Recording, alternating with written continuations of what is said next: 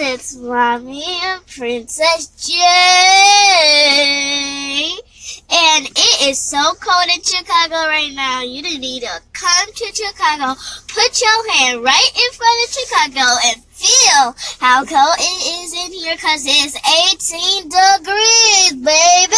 Yes, it is 18 degrees. It is the morning of Friday, December 8th. And Janae's school bus just pulled up. So what are we going to say? Bye! Have a good day and a good weekend. Bye.